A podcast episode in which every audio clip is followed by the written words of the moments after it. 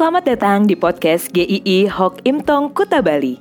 Penginjil Ray Reginaldi akan membagikan renungan harian singkat untuk membawa Anda mengenal dan menyembah Tuhan Yesus, bertumbuh dan menjadi murid Kristus, serta berdampak untuk banyak orang.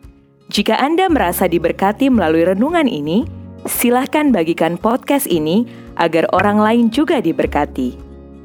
Inilah renungan hari ini.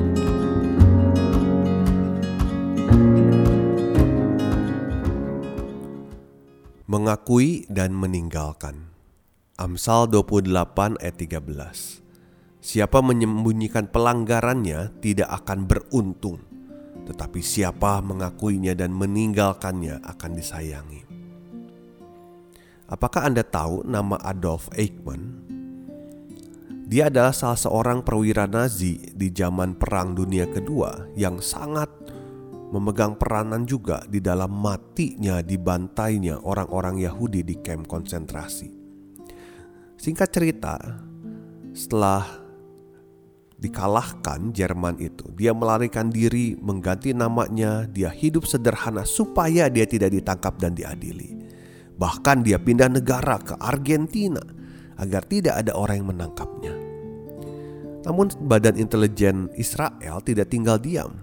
Mereka terus mencari, mencari, mencari sampai Adolf Eichmann itu ditangkap di Argentina dan kemudian dibawa ke Israel untuk diadili. Di tahun 61 dia difonis hukuman mati karena kejahatan terhadap kemanusiaan. Adolf Eichmann sekalipun berusaha menyembunyikan dirinya, menutupi kejahatan-kejahatan di masa lalunya, akhirnya dia tertangkap dan dihukum. Kita di hadapan Tuhan pasti tidak bisa menyembunyikan diri. Mungkin di hadapan manusia banyak orang tidak tahu akan pelanggaran-pelanggaran kita. Tapi di hadapan Tuhan semuanya tampak jelas. Firman Tuhan mengatakan siapa menyembunyikan pelanggaran tidak akan beruntung. Tetapi siapa mengakuinya dan meninggalkannya akan disayangi. Ini menarik karena dikatakan menyembunyikan pelanggaran tapi tidak akan beruntung. Bukankah kalau menyembunyikan berarti tidak ada yang tahu aman dong? Tapi mengapa hasilnya menjadi tidak beruntung? Jangan lupa, sekalipun kita menutupi segala pelanggaran kita, Tuhan tahu. Bicara hidup orang menyembunyikan pelanggaran bisa dua macam.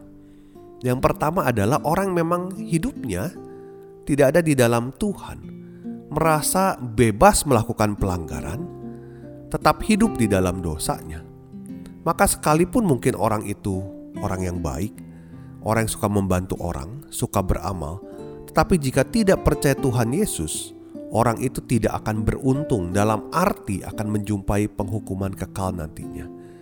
Karena Tuhan melihat yang tersembunyi paling dalam-dalam hidupnya Yang sudah mencemari hidupnya yaitu dosa. Dan upah dosa adalah maut yang kedua untuk kita orang percaya Kita harus melihat ini Orang yang sudah hidup di dalam Tuhan Yesus Masih ada kemungkinan jatuh ke dalam dosa Dan itu seharusnya menjadi situasi yang paling tidak mengenakan bagi kita Mungkin kita tetap berusaha untuk tampil baik di depan orang. Kita menutup-nutupi dengan menambah-nambah pelayanan untuk bisa mendapatkan damai itu. Tetapi tidak bisa kalau kita tidak bertobat. Kita akan tetap gelisah di dalam hati kita.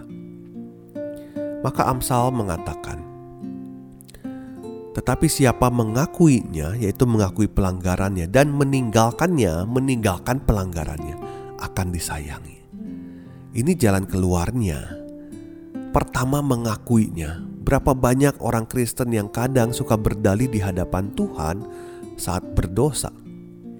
Tuhan, saya kan melakukan itu gara-gara orang itu ajak-ajak.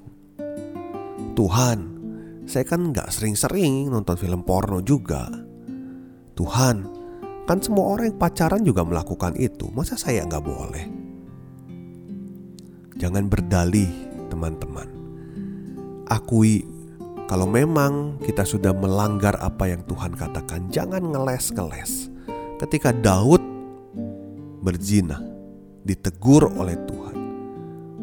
Bahkan ketika dia membunuh juga, dia ditegur oleh Tuhan. Daud bertobat. Bukan hanya menyesali, dia bertobat. Tuhan tahu apa yang kamu perbuat. Tuhan tahu apa isi hati kamu seperti apa. Maka kita harus mengakuinya di hadapan Tuhan. Tapi mengakui itu belum selesai.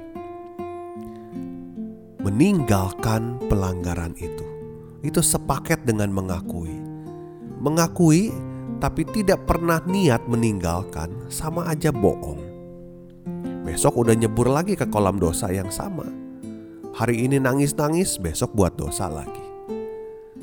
Meninggalkan itu perlu pertolongan Tuhan dan itu nggak mudah. Apalagi kalau Anda sudah nyandu tuh sama dosa.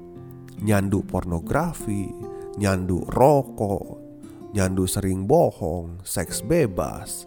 Tapi di dalam Tuhan Yesus tidak ada yang tidak bisa. Kita ini nggak berdaya untuk bisa membebaskan diri dari belenggu dosa maka Kristus yang menebus kita, dialah yang sanggup untuk menolong kita. Saat kita jadi anaknya Tuhan, harusnya kita nggak mau balik lagi ke dosa yang sama. Mintalah pertolongan Allah Roh Kudus yang akan menolong kita, asal kita mau tunduk, meninggalkan dosa yang sudah begitu lama tahunan mengikat kita.